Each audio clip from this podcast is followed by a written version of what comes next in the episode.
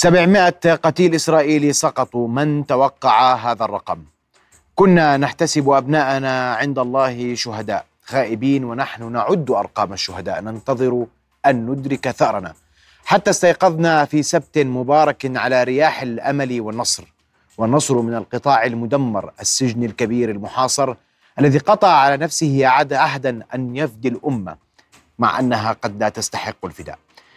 قتلونا فحيينا من تحت الأرض وفوق السماء.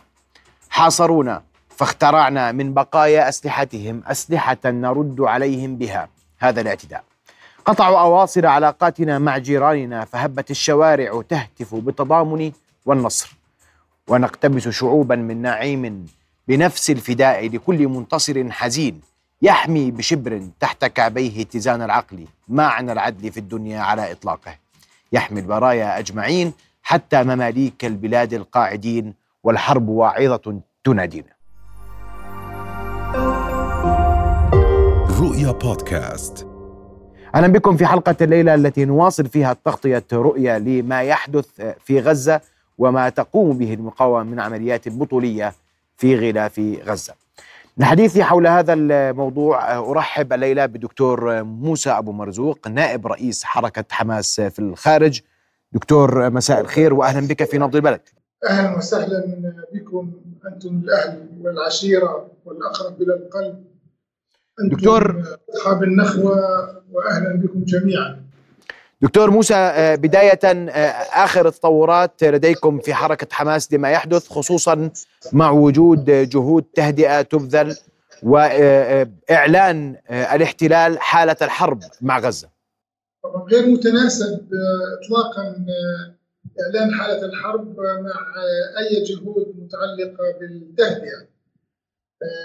كل يوم في جديد بل كل ساعة في جديد العدو الصهيوني منذ الصباح وهو يضيف في كل ساعة تقريبا من 50 إلى 100 قتيل من قتلاهم. وأبشرهم بأنهم يزيدون عن الألف. وفي كل لحظة آه، يكون هناك اشتباك ويكون هناك قتال ويكون هناك لكن النظريات التي وضعت آه، تنهار نظرية آه، إثر نظرية.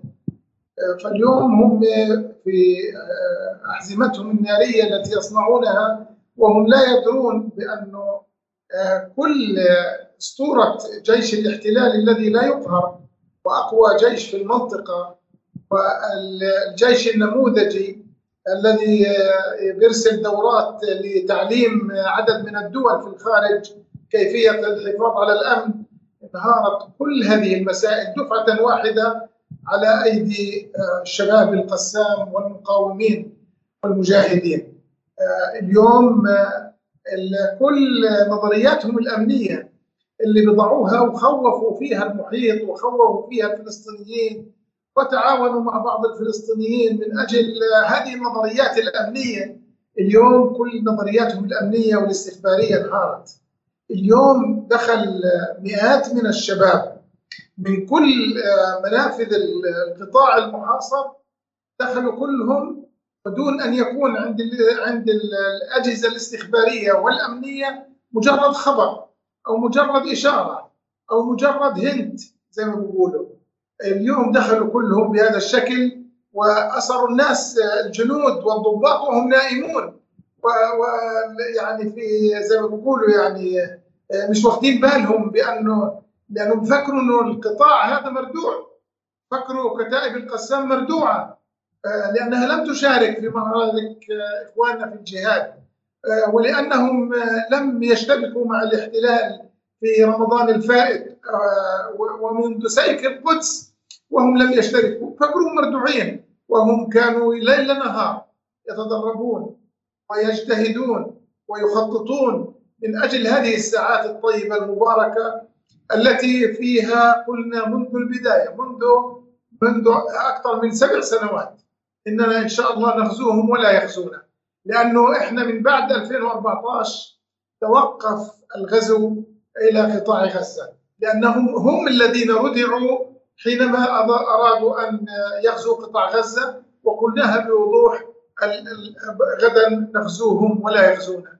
اليوم اتضح هذا الأمر. وهذا القطاع المحاصر الذي لا يدخله مئات السلع ومئات المواد التي يمنعونها خشية أن تكون مواد مزدوجة التصنيع هؤلاء صنعوا سلاحهم. هؤلاء صنعوا ذخيرتهم. هؤلاء صنعوا كل ما يتعلق بالمعركة. هم صنعوها. من القذائف الصاروخية إلى الأولاد إلى المضادات للدبابات هم صنعوها.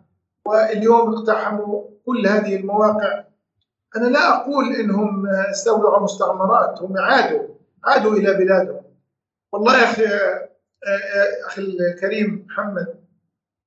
بتعرف في كثير من من الشباب أرادوا أن يذهبوا إلى بلادهم مجرد أنهم يشوفوا هالبلاد هذه اللي لم يولد آبائهم يمكن ما ولدوش فيها. راحوا يشوفوها فرجعوا بأسرى. هذا الجندي الإسرائيلي الذي لا يحسن أن يقول عنه جندي. الذي يأخذ واحد مدني بيأسر الجندي وبأخده من رقبته وبوديه على قطاع غزة. واللي بأخده على موتورسايكل واللي بأخده بسيارته نفسها. مدنيين مدنيين بيأسروا الجنود. وبعدين يقول لك هذا الجنود الجنود هذول لا يقهرون. والله يا إخواننا إنه هذا الكيان أهو يعني أهون من جن من بيت العنكبوت. والله أوهن من بيت العنكبوت. لكن إحنا يعني أنتم شايفين التحريض الأمريكي وإيش الامريكان بحرضوا دولنا العربية الغالية وبحرضوا حكوماتها علينا وبحرضوا كأن إحنا الغازيين وكأن إحنا اللي, بنتعدى على الناس وكأن مش هؤلاء محتلين احتلوا بلدنا طردوا أهلنا وسكنوا في مساكنهم وزرعوا زرعهم وبعدين إحنا معتدين. إحنا معتدين. والله الموازين هذه اللي انقلبت إن شاء الله ستعود. وأنا بقول لك طيب. هذول الناس الشباب هذول الشباب الناس هذول لم يطأروا إلا للقدس. ثأروا للمقدس. ثأروا للوديعة الهاشمية. هذه وديعة رسول الله صلى الله عليه وسلم. وأنا بقول لجلالة الملك يا جلالة الملك جدك الذي أوصى بهذا المسجد. جدك الذي أسري إلى هذا المسجد. وجدك الذي عرج من هذا المسجد. اليوم إحنا بندافع عنه. واليوم نرجو ان ان أن تكون آه، يعني في إلى جانب هذا المسجد اللي اوصى به جدك وإحنا واثقين من أهلنا في الأردن. واثقين من كل الهاشميين وكل أهلنا في الأردن. إن قلوبهم معنا. وإنهم كلهم مع الأقصى. وانه الأقصى هذا سنحميه كلنا مع بعض. وهذا كله لن يكون لليهود عليه سطوة. ومهما تجبروا ف يعني انت شفت إيش اللي بيعملوه في أهلنا. شفت طيب. كيف بيجوا لضربوا لبن؟ وناس كبار كبار في السن يخرجوهم من بيوتهم التي ولدوا فيها من أجل أن مستوطن يسكن مكانهم. طيب دكتور أو البيوت التي موسى. تهدم ثم ندفع اجر أجرة البيت الذي نهدم بأيدينا أو ندفع ثمن هدم هذا البيت. أي ظلم هذا؟ أي ظلم هذا؟ طيب. عشان الأقصى هذا ثار الناس. دكتور موسى الحديث اسمح لي دكتور الحديث اليوم التحليل على أقل تقدير. أن هذه العمليات اليوم آه، وأن آه، هذه المعركة ستطول. والتساؤل هل آه، اليوم المقاومة الفلسطينية في قطاع غزة جاهزة لهذه المعركة الطويلة؟ نشهد اليوم قطع الكهرباء عن القطاع مزيد من الحصار ضربات جوية قبل قليل عنيفة للقطاع دعوات لقطع المياه عن القطاع. كل ذلك هل المقاومة جاهزة؟ للتعامل والتعاطي مع تداعيات هذا الهجوم وهذه الحرب التي أعلنتها إسرائيل بعد ما حدث في غلاف غزة. اليوم حاولت إنه محمد أعزي بعض الإخوة والأصدقاء والقادة الذين استشهد استشهد أبنائهم آه، قائد لواء آه، رفح استشهد ابنه بس شبابه. وأيضا استشهد آه، عدد من القادة الآخرين في وسط غزة وفي غيرها واستشهد من القادة السياسيين معظم أبنائهم أيضا. الأخ نزار وظل استشهد ولده أيضا في كل هذه في القتال. عدد من الشهداء. والله يا أخي محمد أقول لك بكل صدق إني لم أنا كنت حزنان أكثر منهم وكانوا فرحين بهذه الشهادة. التي يعني كان لهم نصيب منها وإنهم شاركوا في هذا الجهاد المبارك وإن الله سبحانه وتعالى اختار ابنائهم شهداء. والله كلمت بعض الناس الذين هدمت بيوتهم زي زي الأخ أبو مصعب والأخ غازي حماد يعني كل بالمناسبة كل القيادة السياسية هدمت بيوتها. يا سلام! شفت الروح كيف؟ إنه شو يعني شوية تراب نبني احسن منها كمان بكرة. أنا بقول عن قاعدة قاعدة المقاومة. القاعدة الغزية هذه اللي إحنا بنشوفها اليوم. إحنا بنشوف أهلنا الصامدين. والله يا اخو يا أخي محمد إنه ناس من إخواننا في فتح. والله هدمت عمارته فبقول فدى المقاومة. والله لم نجد واحد في كل الشعب الفلسطيني في قطاع غزة ينتقد المقاومة على فعلها. بل الجميع صامدين والكل يريد أن يقدم. لا كهرباء سائلين ولا في مي سائلين ولا في بطونهم يعني ماذا يأكلون غدا سائلين. هذه كلها هذه كلها زائلة كلها. راح الوطن وليس الآن هذا الفتات بأغلى من الوطن. الوطن كلهيته قعمان اليهودي بيمرح فيه هنا وهناك والإسرائيلي مسوطر عليه والصهيوني بيتغنى فيه. لكنه إحنا قاعدين حاشريننا 2 مليون و300 ألف واحد. في سبع في في 370 كيلو متر مربع هؤلاء هذه عيشة والله إنه ما ما ما تسعى ما يسعى هؤلاء للجهاد إنما هو من أجل لأنه فعلا اولا الآخرة خير من الدنيا وهؤلاء مجاهدين والله سبحانه وتعالى حينما يتكلم عن مجاهدين يتكلم فيهم والذين جاهدوا فينا لنهدينهم سبلنا. السؤال مش عن هذول يا أخي محمد. السؤال عن عن حالتنا اللي إحنا اللي برا. إحنا اللي قاعدين آه، بنشرب شاي وقهوة. إحنا آه، شعبنا وأهلنا في الأردن وفي لبنان وفي سوريا وفي كل في ربوعنا في كل الوطن العربي. السؤال هذول ماذا يفعلون؟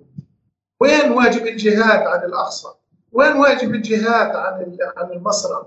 وين واجب الجهاد؟ والجهاد ليس صورة واحدة هي بالدماء كأهلنا في غزة. الجهاد بالمال، الجهاد بالدعاء، الجهاد بأن, بأن بكل واحد بما يملك يستطيع بلسانه. زي ما حضرتك الآن في هذه البرامج المباركة التي قدمت أنت تساهم في هذا الجهاد مساهمة كالمجاهد في سبيل الله. والله سبحانه وتعالى قدم الجهاد باللسان وبالمال بالمال على الجهاد بالسنان. يا أخي محمد النقطة الثانية التي نقولها هؤلاء شافوا أوجاع الأسرى.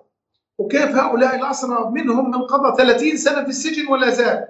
منهم من قضى 20 سنة ولا زال؟ شافوا أسيراتنا وهم يسحلن في الأقصى ويودعن في السجن. شافوا إخواننا كبار السن في السجن الإداري أكثر من ألف واحد سجن إداري بلا ذنب ارتضافوه أكثر من خمسة ألاف سجين. هؤلاء ثأروا من أجل هؤلاء. كرامة الإنسان يا أخي محمد في في في في, في السجون أغلى كثيرا. أغلى كثيرا نعم. من كرامة الأقصى وكرامة الكعبة.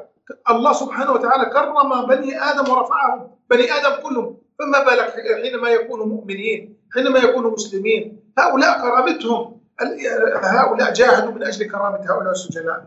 واليوم سجناء الإخوة إخواننا في الأردن قبل سجنائنا في فلسطين. سنخرجهم إن شاء الله. سنخرج كل كل معتقل مجاهد في كل بلاد الدنيا بما عندنا من من من أسرى ما عندنا من أسرى من أسرى وأنا بقول لك دكتور دكتور موسى السفارات دكتور موسى. اتصلت فينا زي تايلاند وغيرها وغيراتها اتصلوا بيسألوا إنه في عندنا مفقودين قد يكونوا أسرى عندكم.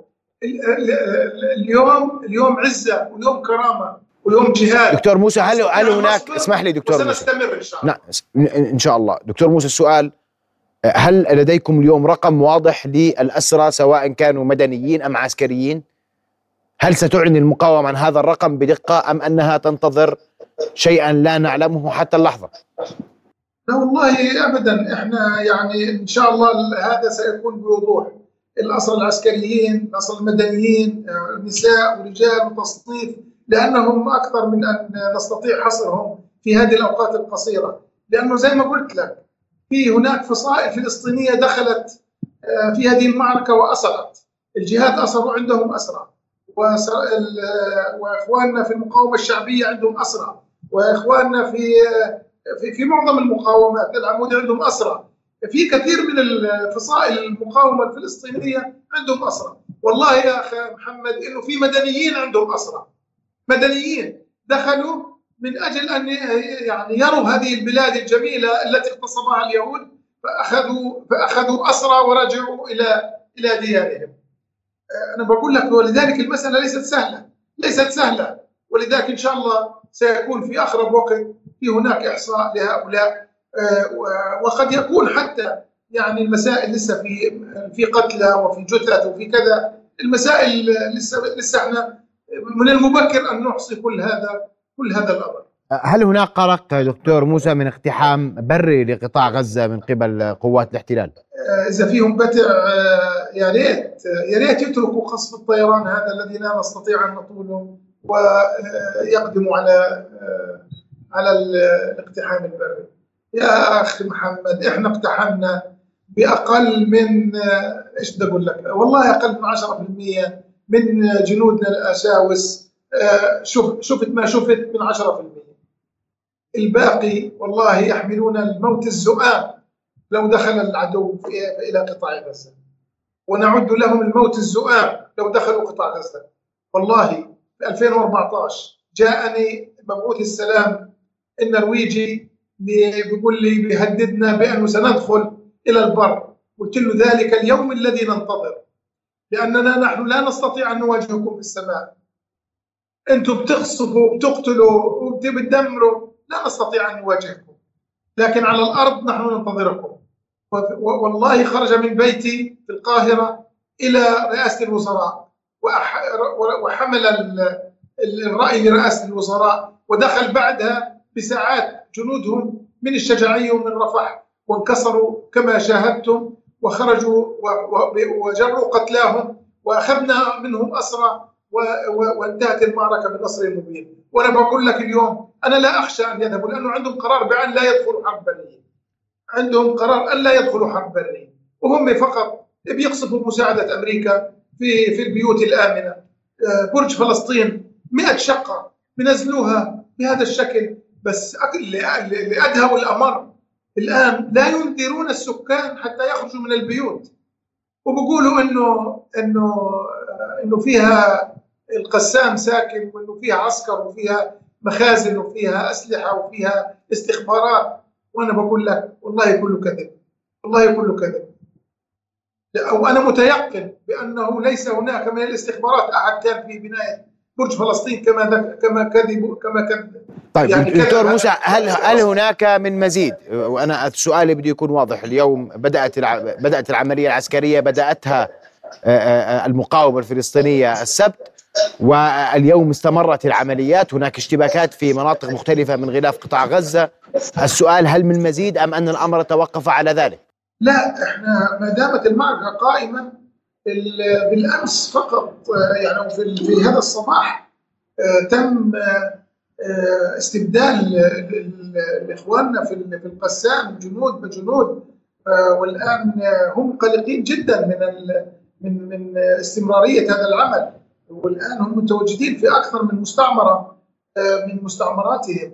موجود القسام موجود ويقاتل بشراسة وكل المقاومه الفلسطينيه موجودة ويقاتل بشراسة. ولكنه الشيء المحزن والذي لا نستطيع رده هو ذلك ذلك القصف من الجو للبيوت الآمنة وأعداد من الشهداء الكبيرة جدا. أخونا حامد أبو عون على سبيل المثال. ابن القائد كمال أبو عون استشهد هو وعائلته هو وأولاده في قصف منزلي والده في الخارج.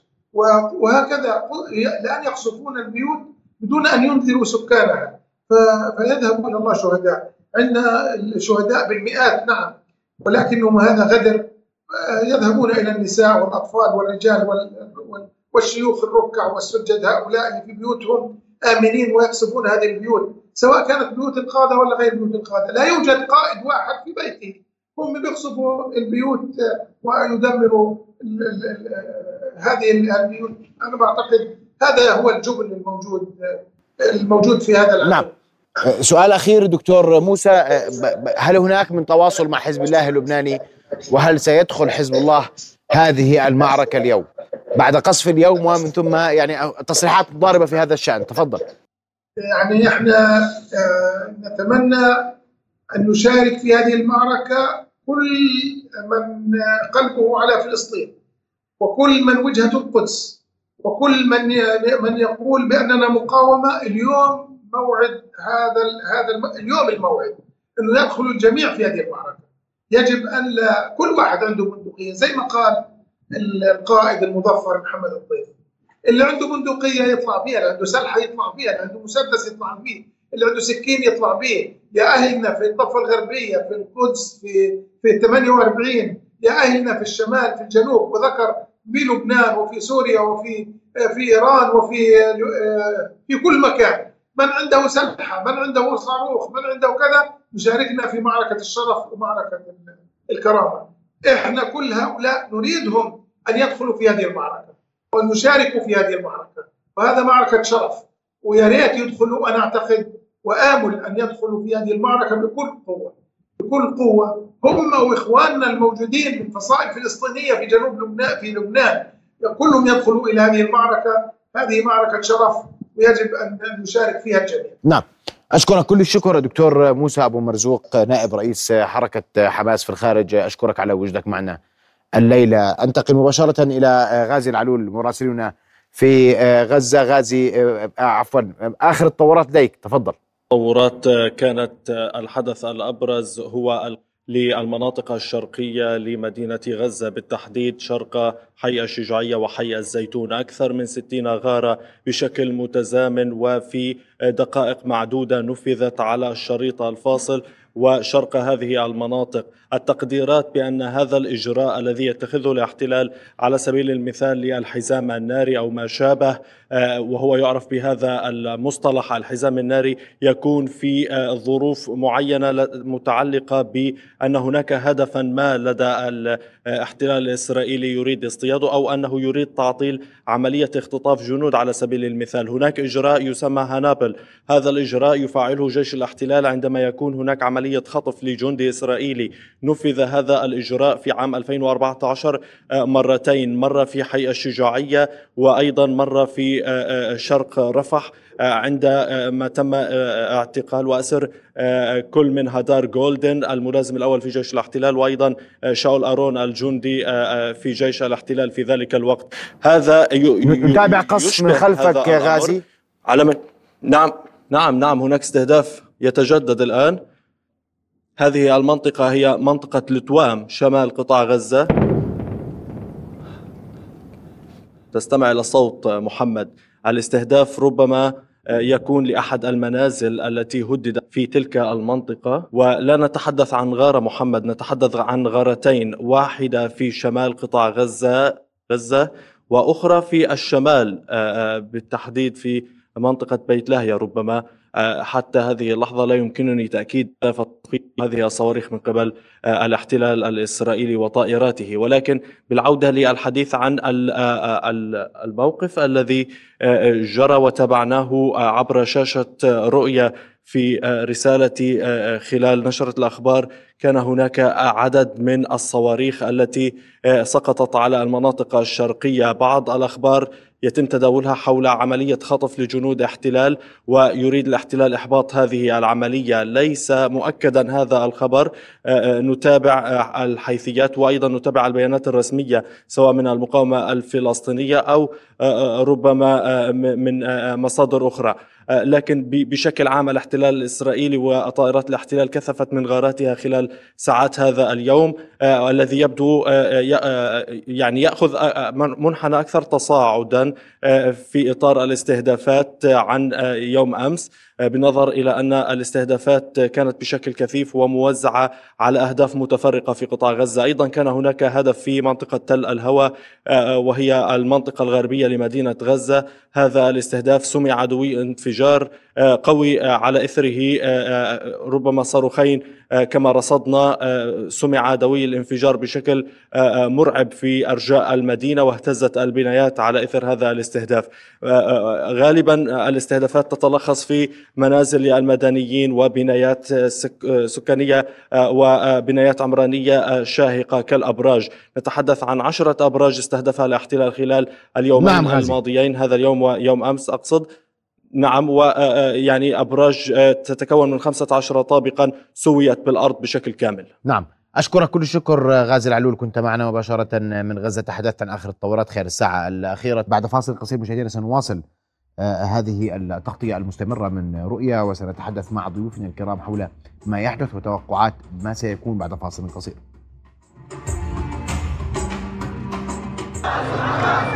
حماس الحماس الحماس الحماس تكبير. الله أكبر.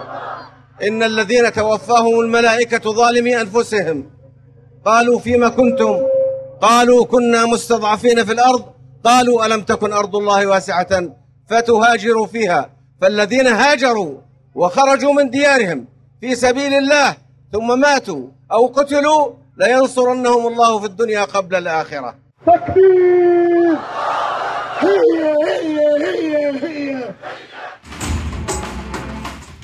هذا جزء من الوقفات التضامنية التي تشهدها مختلف مناطق المملكة اليوم تضامنا مع أهل غزة وفرحا بنصر المقاومة. أرحب بضيوف الكرام في هذا المحور الأستاذ الدكتور حسن المؤمني عميد كلية الحسين بن عبد الله للدراسات الدولية. مساء الخير أهلا بك دكتور. أرحب أيضا بخبير التنظيمات الإسلامية الأستاذ مروان شحادة مساء الخير أستاذ مروان أهلا بك. نور. ودكتور حسن أبدأ منك وأسمع وجهة نظرك بما يحدث.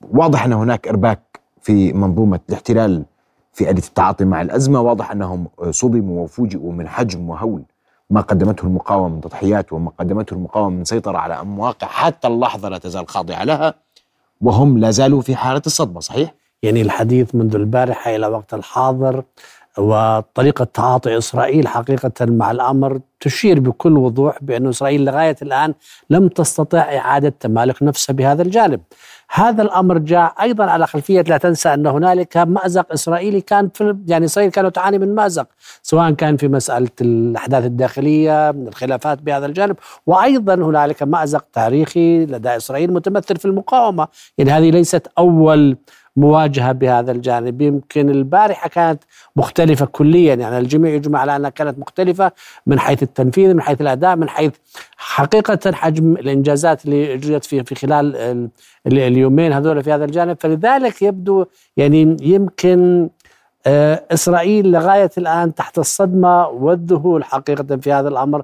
وقد يكون إسرائيل كمؤسسة عمليا كمؤسسة فقدت القدرة على التعاطي مع هكذا تحدي إلى حد ما وتحاول أن تستجمع نفسها بهذا الجانب بهذا الاتجاه. لذلك نرى الخطاب الإسرائيلي خطاب وعيد يحاول أن آه، آه، يعطي وعود بمسألة آه، طبيعي ويرفع سقف التوقعات بمسألة ردة الفعل باتجاه المقاومة في هذا فبتقدير الشخصي نعم إسرائيل تواجه وهنالك بتقدير الشخصي يعني مأزق استراتيجي إسرائيلي متمثل في أنه كيفية التعاطي مع هكذا عملية وكيفية التعاطي مع ازدياد قدرات المقاومة بهذا الأمر بهذا الجانب. نعم. يعني أه، سأعود لك دكتور حسن أسمع مزيد لك أستاذ مروان.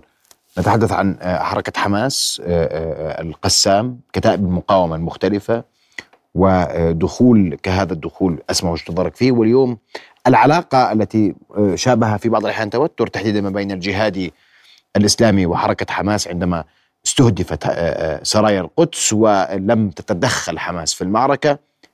كان في حديث عن خلاف داخل غرفة المقاومة. اليوم ما تظهره الصورة أمر مختلف وكأن حماس كانت تعد العدة لذلك لم تدخل معارك جانبية قبل هذه المعركة. صحيح غير صحيح؟ من قراءتك ومعرفتك في التنظيمات الإسلامية؟ في الواقع آه، يعني هذه العملية آه، غير مسبوقة يعني من حيث كما تفضل الدكتور حسن الإعداد والتنفيذ يعني للمرة الأولى في تاريخ الصراع العربي الصهيوني آه، نبادر في الهجوم. يعني بمعنى استغلينا عنصر الصدمة والرعب والمفاجأة للعدو ونجحت حركة حماس في اعتقال العديد من المستوطنين الذين آه، باعتقادهم كل كلهم محاربون وليسوا مدنيين. يعني لا يوجد آه، بين المستوطنين ما من هو مدني. في السنوات الثلاث الأخيرة أثبتت أن جميع المستوطنين نساء ورجالا وأطفالا كلهم آه، مسلحون ويتم إعدادهم لي- ليكونوا محاربين. فبالتالي هذه العملية في آه، موضوع التنفيذ في موضوع الإعداد في آه، شكلت صدمة للعدو الصهيوني وكذلك آه، شفت صدور قوم مؤمنين. يعني بمعنى عم الفرح للمرة الأولى منذ سبعين عاما ربما وأكثر في الدول العربية والإسلامية على هذا الإنجاز. ولكن هناك طبعا تخوفات من مخرجات هذه العملية. كما هو الحال بسبب آه، التعنت ال- الإسرائيلي بسبب كذب العدو الإسرائيلي وكذلك كذب آه، حلفاء إسرائيل وعلى رأسهم الولايات المتحدة في أنها آه، لا تضمن الاتفاقيات على مدى الت- التاريخ بل هي تتحيز بالكامل مع العدو الصهيوني. لذلك على موضوع الخلاف الداخلي نعم يوجد اختلاف في وجهات النظر وكان ربما كان هناك هدنة ضمنية يبدو أن حركة حماس آه، وضعت آه، على رأس أولوياتها أن تكسب الوقت كما يفعل العدو الصهيوني في تأجيل الصدام وكسب ملف الوقت اللعب على عنصر الزمن والوقت وتاجيل موضوع الصدام سواء مع آه، الحركات المقاومة في الإقليم أو مع الفصائل الفلسطينية آه، حتى كذلك تسعى في موضوع ملف التطبيع بهرولة بعض النظم السياسية للتطبيع.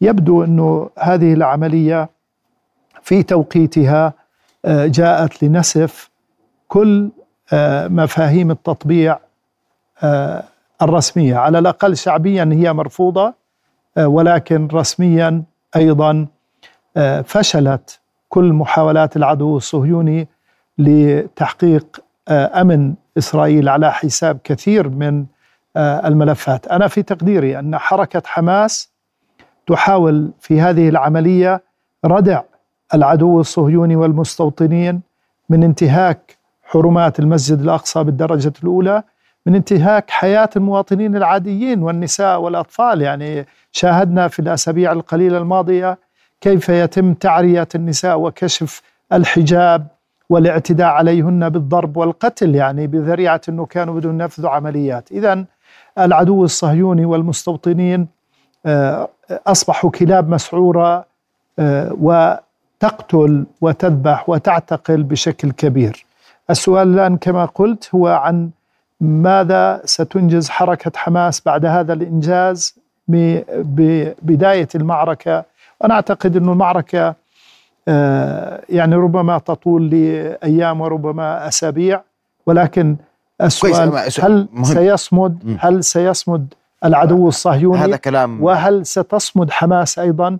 وأنا أظن أن حماس طويلة الأمد. يعني أنا اختارت التوقيت اختارت الزمان اختارت المكان واختارت الآلية وتختار اليوم اليوم المصدر الوحيد للمعلومة هي هو حماس. الاحتلال لا يملك حتى معلومة يصدرها لإعلامه. إعلامه يستقل معلومات من حماس. من نعم. من- حماس وما تصدره آه، المقاومة الفلسطينية في غزة من تصريحات وبيانات. دكتور دكتور حسن هنا في سؤال مهم جدا. اليوم هناك آه، محاولة آه، عربية للتهدئة هناك آه، سعي دولي للتهدئة لكن يواجه كل ذلك برد من آه، آه، آه، حكومة الاحتلال بأنها تعلن حالة الحرب. وحالة الحرب كما تابعنا قبل قليل بقصف جوي لا أكثر ولا أقل. حتى اللحظة تعزيزات أصدر اليوم توجهت إلى جنوب فلسطين باتجاه حدود قطاع غزة. لكن لا رد حقيقي. المقاومة لا تزال متواجدة في مستوطنات غلاف غزة والاشتباكات مستمرة. وحماس تعلن اليوم رسميا أنها استبدلت جنودا بجنود آخرين للحفاظ على المواقع التي تم السيطرة عليها. وهذا أمر لم يحدث سابقا في تاريخ الصراع. تفضل. مما لا شك فيه يعني دائما في نسق الصراع العربي الإسرائيلي بالذات القضية الفلسطينية دائما كان يكون في جهود دبلوماسية متعامدة أو متزامنة مع أي آه، آه، معركة أو أي مواجهة. في هذا الجانب وهذا شيء نسق طبيعي حقيقة.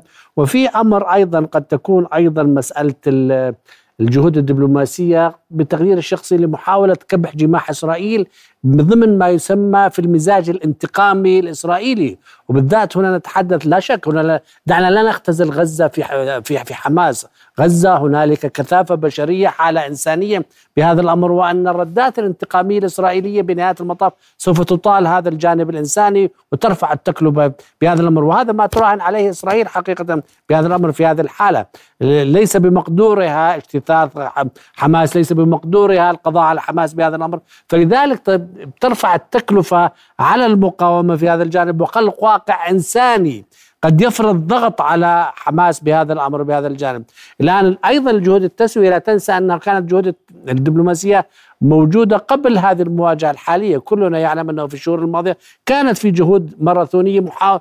لمحاولة خلق مسارات حقيقة. هذه المسارات تؤدي إلى إنعاش العملية السياسية بهذا المعنى، قبل هذه العملية في هنالك مسار أمريكي ضمن الحوار الاستراتيجي الأمريكي السعودي بهذا الأمر بشق الفلسطيني بهذا الجانب. وكان الحديث حقيقة إذا بتطلع كان في هنالك أدبيات كثيرة وتسريبات كثيرة حول هذا الأمر وكان أيضا الجانب الفلسطيني الرسمي مشترك بهذا الجانب بهذا ال- ال- الأمر، فبتقدير الشخص التحركات الدبلوماسية ستستمر وقد تؤتي ثمارها في سياق محاولات ضغط على كلا الطرفين بعد مثلا أيام أو أسابيع وإذا بدي أجي أقارن وأشوف النسق التاريخي للمواجهات لطالما كان دائما في هنالك مواجهات آه، يتخللها ويتبعها جهود دبلوماسية تؤدي إلى نوع من التهدئة في هذا الأمر. الآن هل حماس حقيقة عندما قامت بهذه العملية وحطت الأهداف بهذا الأمر. زي ما تفضل الدكتور أهداف ردع أهداف رفع التكلفة لكن لا أعتقد أن حماس وقد تكون لا أعتقد أن حماس آه، آه، كهدف وضعته أن الاستمرار في العملية العسكرية بهذا الجانب بهذا الاتجاه. اسمح لي أنوه فقط إلى آه، أن آه، الجهاد الإسلامي أصدرت بيانا قبل لحظات تشير فيه إلى أن لديها 30 أسير معتقل لديها الآن في هذه اللحظة. حركة الجهاد الإسلامي فقط أنوه ان هذه الأخبار ترد الآن آه، عبر المنصات الرسمية لحركة الجهاد الإسلامي. تفضل دكتور حسن وعطل المقال فلذلك وبعتقد إنه حتى الحماس والمقاومة الفلسطينية سوف تتعاطى مع هاي الجهود الدبلوماسية. نعم. يعني هنا كمان خلينا نكون في في منطق واقعي وعقلاني بهذا الجانب. حماس بهمها الان ترجمة ما تم إنت- إنجازه عسكريا في سياقات سياسية ومكاسب سياسية. يعني أنت شوف قديش تسليط الضوء على مسألة الأسرى. بهذا الجانب هي قضية مهمة في هذا الجانب. وح- وحماس حقيقة تنظر إلى ما بعد أن تهدأ المعركة اللي تستخدم ورقة آه، بتقدير الشخصي غير مسبوقة في هذا الجانب، أيضا في هنالك مسائل كثيرة ل- بالنسبة للحصار لغيره لكل هذا الانجاز العملي. زين وأعتقد إنه قد قد لا تكون حماس طالبت بذلك لكن ال- العملية ونتائجها سوف تفرض حالة سياسيا على الأطراف وعلى المسارات السلمية اللي كانت أو المحاولات السلمية لإعادة التنشيط بهذا الأمر. سوف تف- سوف تفرض نفسها على الواقع الفلسطيني الداخلي السياسي بهذا الأمر.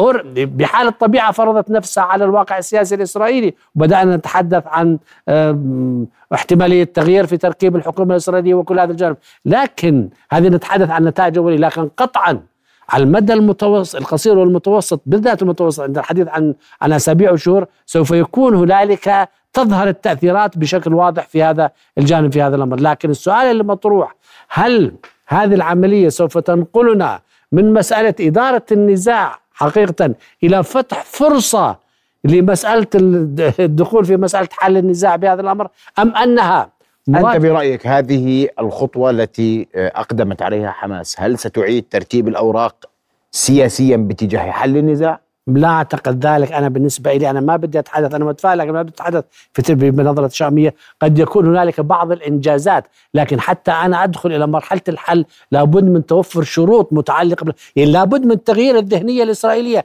العملية السلمية ما زالت رهينة. ألا تغير ألا يغير آه، الأسرى ال- اليوم الموجودين في في آه، في أحضان حماس؟ ألا تغير صورة ما حدث في غلاف في قطاع اليوم اليوم هناك سؤال من سيقنع هؤلاء المستوطنين بالعودة ليقطنوا مما الغلاف؟ لا شك فيه لكن هلا المستوطنين في السياق الاستراتيجي قديش 54 ألف مستوطن بهذا الجانب بهذا الاتجاه؟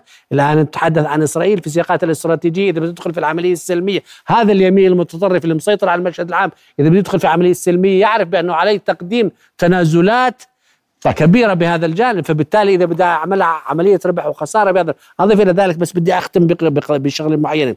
إسرائيل النمط السلوكي الإسرائيلي في جميع المواجهات إسرائيل دائما ترفض أن تتفاوض وهي تعتقد بأنها ضعيفة في هذا الجانب. هنالك في معضلة. لكنها تفاوضت مع حزب الله وهي في موقف ضعف تف... ومع المقاومة في الفلسطينية 2006 تفاوضت مع حزب الله لكن هي استطاعت إلى حد ما أن تنجز إنجاز أيضا يعمل نوع من التهدئة بين حزب الله وإسرائيل. ما زال قائم. خدنا طويلة آه ما 20 زالت. لا لا ما زالت قائمة. نعم. هلا في البداية كان هنالك إنجازات لحزب الله لكن فيما بعد تغيرت. ولكن شرعنوا حزب الله يعني حزب الله شرعاً كجناح سياسي شرعا أصبح مشرعا ويستطيع ممارسة عمل بس- السياسي بس خلينا- الجناح العسكري أصبح بس خلينا نحكي شغلة. بالنسبة اسمحوا لي، لاسرائيل موضوع حزب الله مختلف أن تتحدث هنا طيب، دكتور حسن. عن مسألة حماس آه، غزة التي هي في السياق الاستراتيجي أكثر أهمية من موضوع جنوب لبنان طيب، وموضوع هذه هذا السيناريو سيناريو الاقتحام كانت كانت إسرائيل تستعد لاقتحام حزب الله لشمال فلسطين بهذه حتى الطريقة. وضعت آه، أستاذ محمد آه، قبل أربع سنوات مراكز لامن والاستخبارات العسكرية والمدنية وضعت تقرير أمام آه، حتى آه، وضعوا آه، عمل- نظموا مؤتمر بهذا الخصوص لسيناريوهات اقتحام حركة حماس لغلاف غزة المستوطنات وكذلك اقتحام وصولا حزب الله للشمال الفلسطيني وصولا إلى الجليل. فبالتالي هذا السيناريو مطروح ولكن اليوم مقال لأحد الكتاب الإسرائيليين في يديعوت أحرنوت آه، ذكر إنه أين المعلومات الاستخباراتية؟ أين الاستعدادات؟ أين هذه سقطة ما بعدها سقطة. الفشل الذريع. ونأمل أن تستمر مثل هذه السقطات نعم. قبل أن أعود لكم ضيفي الكريمين أرحب بمراسلنا حافظ أبو صبرة. آه، حافظ لديك تطورات؟ تفضل. محمد أسمعك. لديكم آه، تطورات؟ تفضل حافظ أبرز ما لديك. الحديث يدور في هذه الأثناء عن اشتباكات مسلحة تتكرر أكثر من مرة عند حاجز الجلماء العسكري ال- الفاصل بين جنين و داخل المحتل العام 48 في شمال الضفة الغربية. الاشتباكات تزامنت مع مسيرة وصلت إلى الحاجز غضبا واسنادا لغزة والمقاومة في غزة. قوات الاحتلال ردت على هذه الاشتباكات وإطلاق النار من المقاومين الفلسطينيين بالرصاص الحي. هناك ما يقارب ثلاثة اصابات لم تعرف طبيعتها حتى هذه اللحظة. إطلاق الرصاص من قبل جنود الاحتلال كان بشكل عشوائي صوب ال- ال- المدنيين ومركبات الإسعاف التي انتشرت على طول آه، الطريق الواصل إلى حاجز الجلمه، الحدث هنا يتزامن مع آه، آه، فقرات إنذار أطلقت في مستوطنة جوشتسيون قرب بيت لحم والحديث يدور عن محاولة تسلل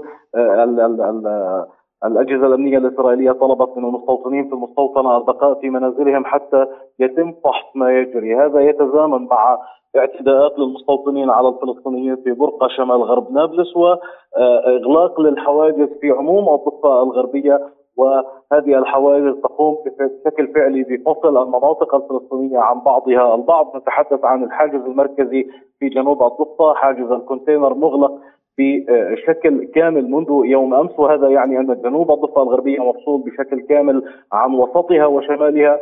كذلك الحال في محيط نابلس الحواجز مغلقة بشكل شبه كامل حاجز حوارة لم يفتح منذ فجر أمس منذ بدأ آه، ال- ال- العمل العسكري المقاوم في قطاع غزة. وكذلك الحواجز الستة المتبقية في محيط المدينة. منذ قليل وردت أنباء من الخليل آه، آه، في بوجود إصابتين خطيرتين برصاص الاحتلال آه، واحدة منها حرجه جدا نقلتا إلى مشافي المدينة جراء المواجهات المندلعه في أكثر من موقع في محيط المحافظة جنوب الضفة الغربية. نعم.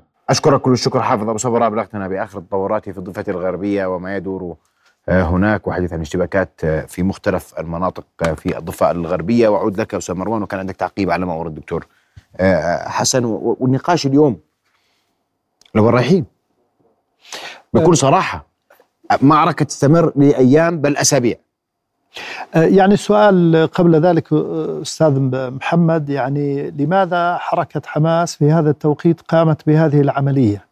يعني هل تحب الحرب والمواجهة مع عدو يعني معروف إنه من أقوى الجيوش في العالم يعني وفي ظهره أوروبا وأمريكا وكل آه، المجتمع الدولي يعني تغول الصهيونية العالمية على مؤسسات الأمم المتحدة وغيرها من المؤسسات الدولية آه، يعني وكل سلوكها وانتهاك قانون الدولي الإنساني آه، الذي تمارس جرائم حرب لم يتم تجريمها بأي معركة مع الشعب الفلسطيني. أنا في تقديري أن حركة حماس كانت هي الملاذ الأخير للشعب الفلسطيني وسط هزل وضعف السلطة الفلسطينية آه، وتعنت المستوطنين والممارسات اليومية. يعني آه، أصيب المواطن الفلسطيني بحالة إحباط. آه، يعني وأنت ذكرت إنه أعلن نتنياهو إنه نحن الآن أعلن حالة الحرب. نعم. يعني وأنا أقول يعني الدولة هذا الكيان المغتصب المحتل منذ أن تأسس هو في حالة حرب مستمرة ويحاول تحييد ما يمكن تحييده من الأعداء.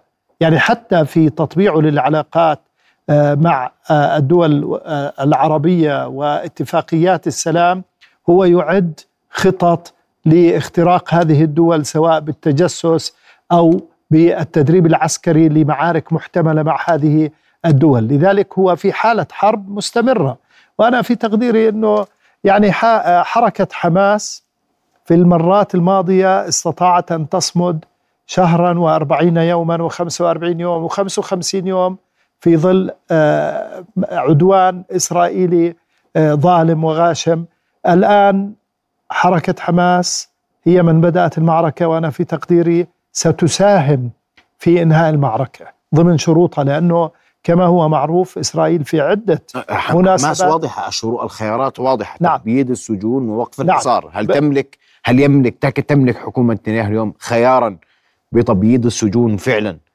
آه، يعني إذا اضطرت إذا اضطرت آه، يعني العدو الصهيوني لا يسمع إلا لأصحاب الأقدام الثقيلة. يعني بمعنى إنه لا يستمع للدبلوماسيين ونزلاء الفنادق والمفاوضات الدبلوماسية. هذا يعني لا يجدي نفعا لأنه هي تدرك إنه نعم نعم وتتدخل الولايات وتضغط المتحدة الأمريكية وتضغط على الدول العربية والإسلامية.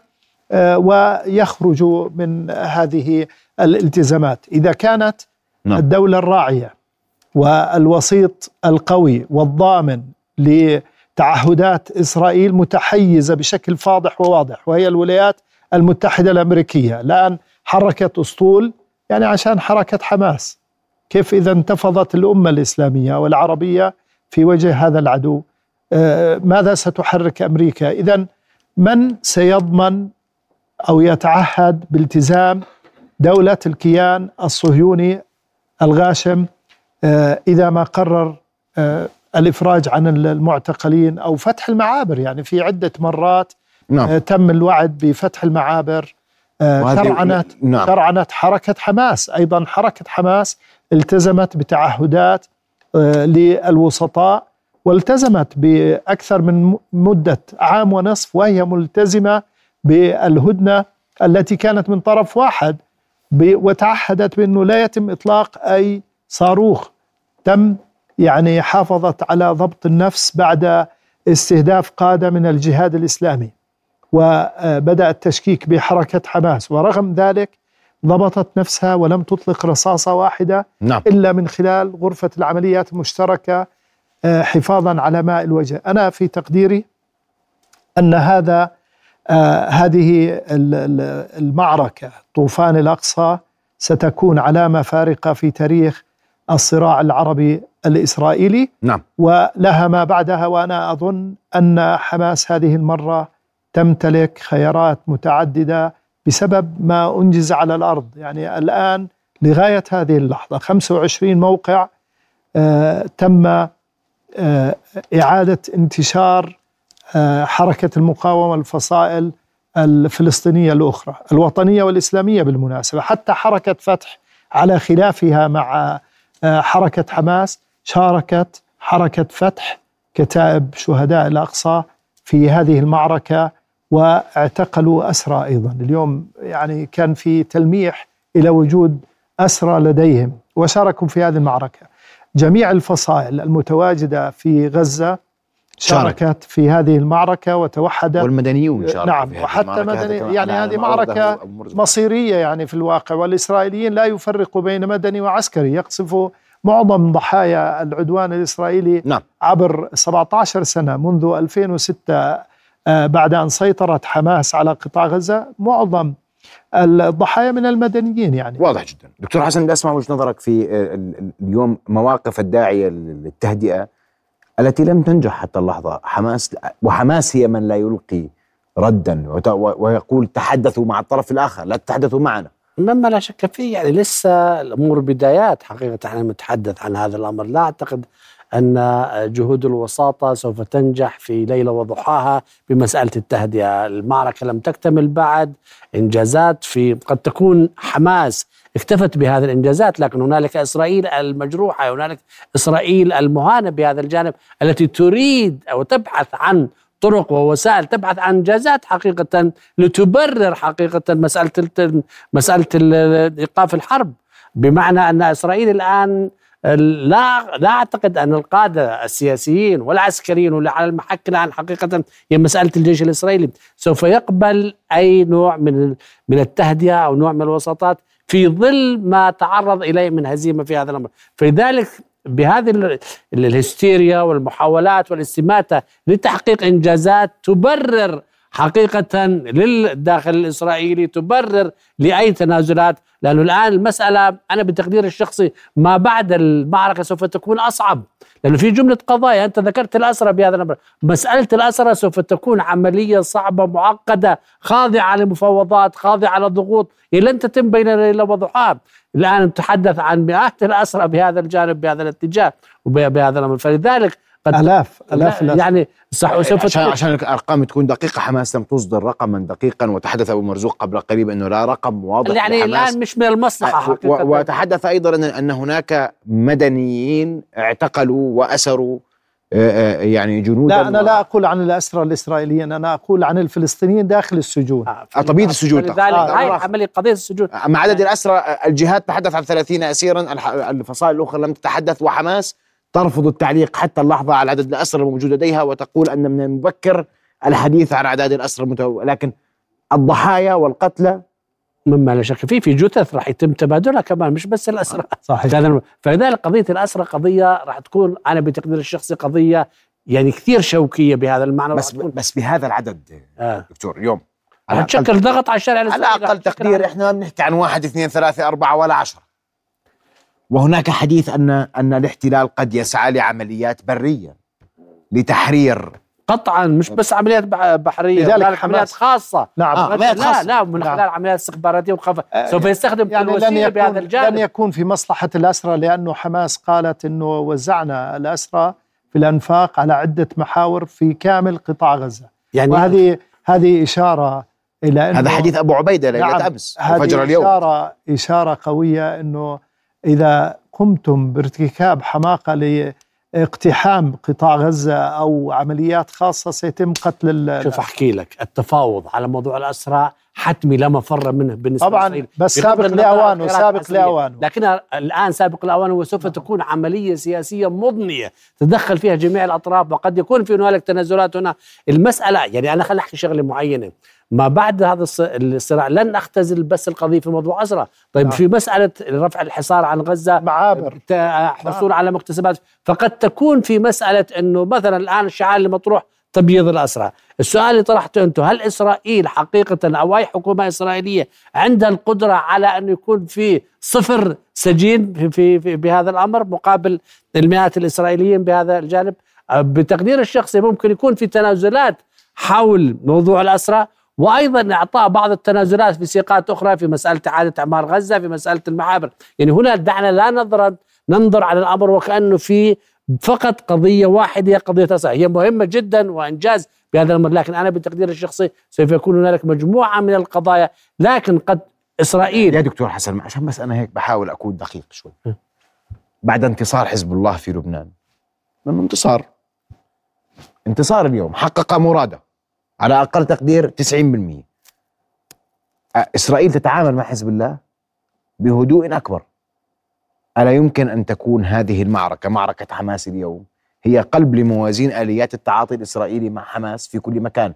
أنت تقصد هدنة؟ مستهدفون. طيب ما حماس طرح هدنة. ما حماس سبق وطرحت هدنة طويلة 30 سنة صح ولا لا؟ خليني أحكي لك مسألة الهدنة.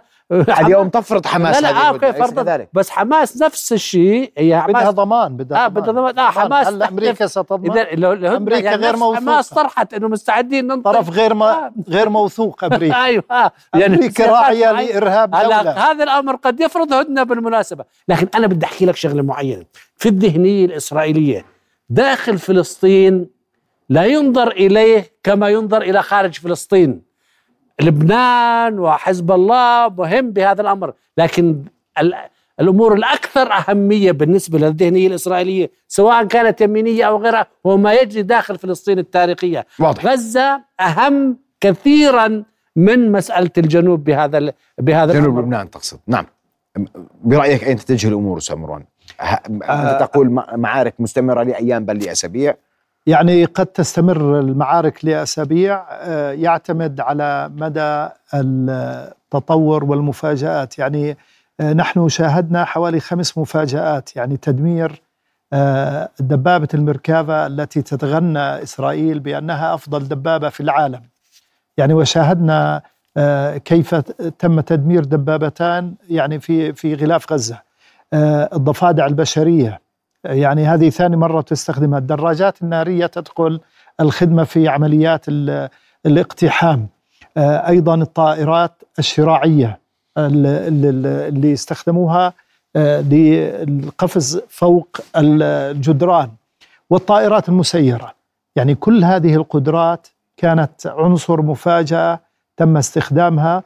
آه، إذا كانت حماس 17 سنة محاصرة وامتلكت هذه المعدات العسكرية. فكيف يعني إذا تم رفع الحصار عنها أو على الأقل تم إعادة جزء كبير؟ لأنه ربما أكثر من المعتقلين آه، أكثر من نصف المعتقلين داخل آه، السجون الإسرائيلية من الفلسطينيين يتبعوا لحماس. يعني ربما آه، يوجد حوالي 6500 معتقل فلسطيني بمدد طويلة يعني 400 سنة و500 سنة و200 سنة و40 سنة و50 سنة نعم ويتعرضوا لقتل بطيء بكل ما تحمل الكلمة من, معنى. معنى يعني ه- قبل آه، الشهر الفائت شخص آه، انحكم آه، عشر سنوات خرج لا يعرف أهله يعني فأنت تخيل الظروف. الظروف الظروف الصعبة في نعم. عملية الاعتقال ولا يوجد أي جهة دولية واضح. تستطيع أن توقف انتهاكات الإسرائيلية. نعم. آه، أنا في تقديري سمر. أننا نتجه إلى آه، معادلة جديدة في الصراع العربي الإسرائيلي وهذه الم- المعادلة آه، أصبحت حماس على ضعف قدراتها قادرة على ردع العدو الصهيوني. نعم. الطائرات الحربية المقاتلة لن تحسم معركة. المعركة البرية ستكون إسرائيل الخاسر الأكبر لأنه لم نتحدث بعد عن العمليات الانتحارية والانتحاريون الجاهزون. يعني يوجد أكثر من خمس آلاف انتحاري لدى حركة حماس جاهزين لتفخيخ السيارات وتفجير أنفسهم. إذا هناك إعدادات واستعدادات وأنا أظن أن غزة قطاع غزة بأكمله وغلاف حتى حواليه هو يقبع تحت أنفاق ونقاط عسكرية جاهزة نعم. للعملية هذا على أقل تقدير ما, ما اتضح في الأيام ال- نعم. في اليومين الماضيين بدي أشكركم كل الشكر ضيوف الكرام رؤيا بودكاست